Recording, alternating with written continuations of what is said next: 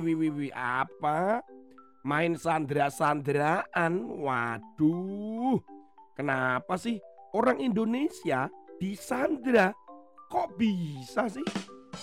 Wah ini berita yang memang heboh ini. Sampai berapa lama? Apa?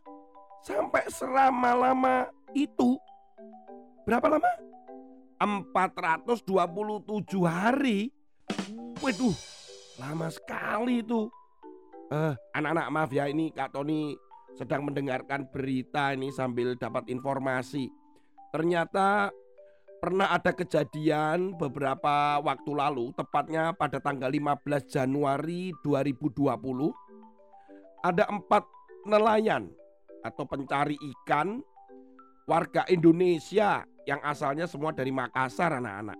Saat itu mereka mencari ikan dan kemudian pada jam 7 malam mereka akan pulang. Ketika dalam menuju kepulangannya itu, tiba-tiba di tengah laut dikepung oleh orang-orang yang menyebut dirinya adalah teroris daripada Abu Sayyaf. Ada tujuh orang yang langsung mengepung, lima orang masuk ke kapal nelayan itu dengan menggunakan senjata. Dan setelah itu mereka diajak pergi menuju ke pulau yang bernama Pulau Sulu. Selama delapan malam mereka menuju ke Pulau Sulu itu. Mereka juga tidak tahu nih empat nelayan Indonesia nih. Ini mau diapain, mau ngapain. Ternyata memang akhirnya mereka disandra. Sandra itu apa sih Kak Tony? Sandra itu sama dengan ditahan anak-anak.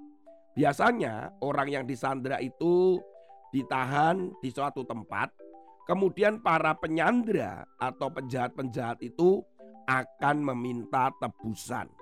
Apabila itu warga negara Indonesia yang disandra, maka para pembajak, para penjahat itu atau teroris akan meminta tebusan kepada pemerintah Indonesia.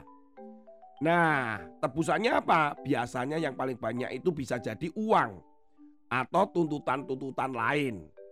Nah ini ada empat nelayan Indonesia yang disandra oleh para teroris Abu Sayyaf. Dan ketika mereka berada di Pulau Sulu, di mana Pulau, Pulau Sulu itu coba dicari, ayo coba coba coba cari, cari. Mana Pulau Sulu? Eh, ketemu. Pulau Sulu itu ternyata ada di Filipina, anak-anak. Saya pikir ada di Indonesia, ternyata memang di Filipina. Memang teroris-teroris ini itu tinggalnya ada di Filipina. Selama 400 waduh luar biasa nih. 427 hari loh anak-anak. Empat nelayan ini disandra. Bagaimana mereka bisa melarikan diri atau mereka bisa bebas? Ternyata benar. Mereka itu berenang melarikan diri Ketika sudah satu tahunan di Pulau Sulu itu, ternyata mereka mendengarkan percakapan para teroris bahwa rencananya mereka akan dipindah ke Pulau Tawi-Tawi. Oh, ah, Pulau Tawi-Tawi. Nah, saat kapal mereka membawa para nelayan ini yang jadi sandra terhempas oleh ombak yang besar, kapal itu terbalik. Nah saat terbalik itulah keempat nelayan tadi yang sudah menjadi sandra berenang untuk melarikan diri anak-anak dari jangkauan para teroris itu. Sementara para teroris sibuk dengan kapal yang terbalik, mereka sendiri juga sibuk menyelamatkan diri.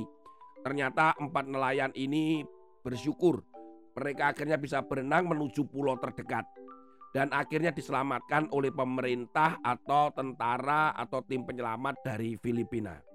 Tapi nggak main-main anak-anak.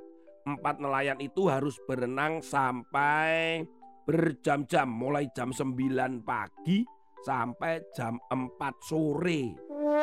Wih, kok kuat ya. Nah memang akhirnya tahun 2021 setelah 427 hari itu para nelayan ini dikembalikan oleh pemerintah Filipina ke Indonesia. Oh, kok diketawain. Harusnya malah ditepuk tanganin. Berhasil ya anak-anak ya. Nah kita ini juga sering begitu loh. Kita ini bisa menjadi sandra. Nah ini firman Tuhan hari ini dibaca di dalam Amsal pasal yang ke-20 ayat yang ke-16. Ambillah pakaian orang yang menanggung orang lain dan tahanlah dia sebagai sandra ganti orang asing. Sebenarnya ayat ini berbicara tentang penyanderaan atau yang ditahan karena urusan perdagangan. Tapi Kak Tony mau membahas yang lain tentang hal yang lain. Bahwa tentang sandra. Kita ini dulu adalah sandranya iblis, sandranya setan. Kita ini dulu hamba dosa. Kita nggak bisa diselamatkan. Kita berusaha melepaskan diri. Ya kalau seperti empat nelayan itu bisa renang. Ini berbicara masalah dosa anak-anak kita sandra, kita orang yang atau anak-anak yang dalam dosa yang mestinya kita itu masuk neraka. Kita tidak bisa menyelamatkan diri lagi. Tetapi datanglah Yesus. Yesus yang akhirnya melepaskan kita dari penyanderaan itu anak-anak. Yesus sendiri menggantikan kita menjadi sandra.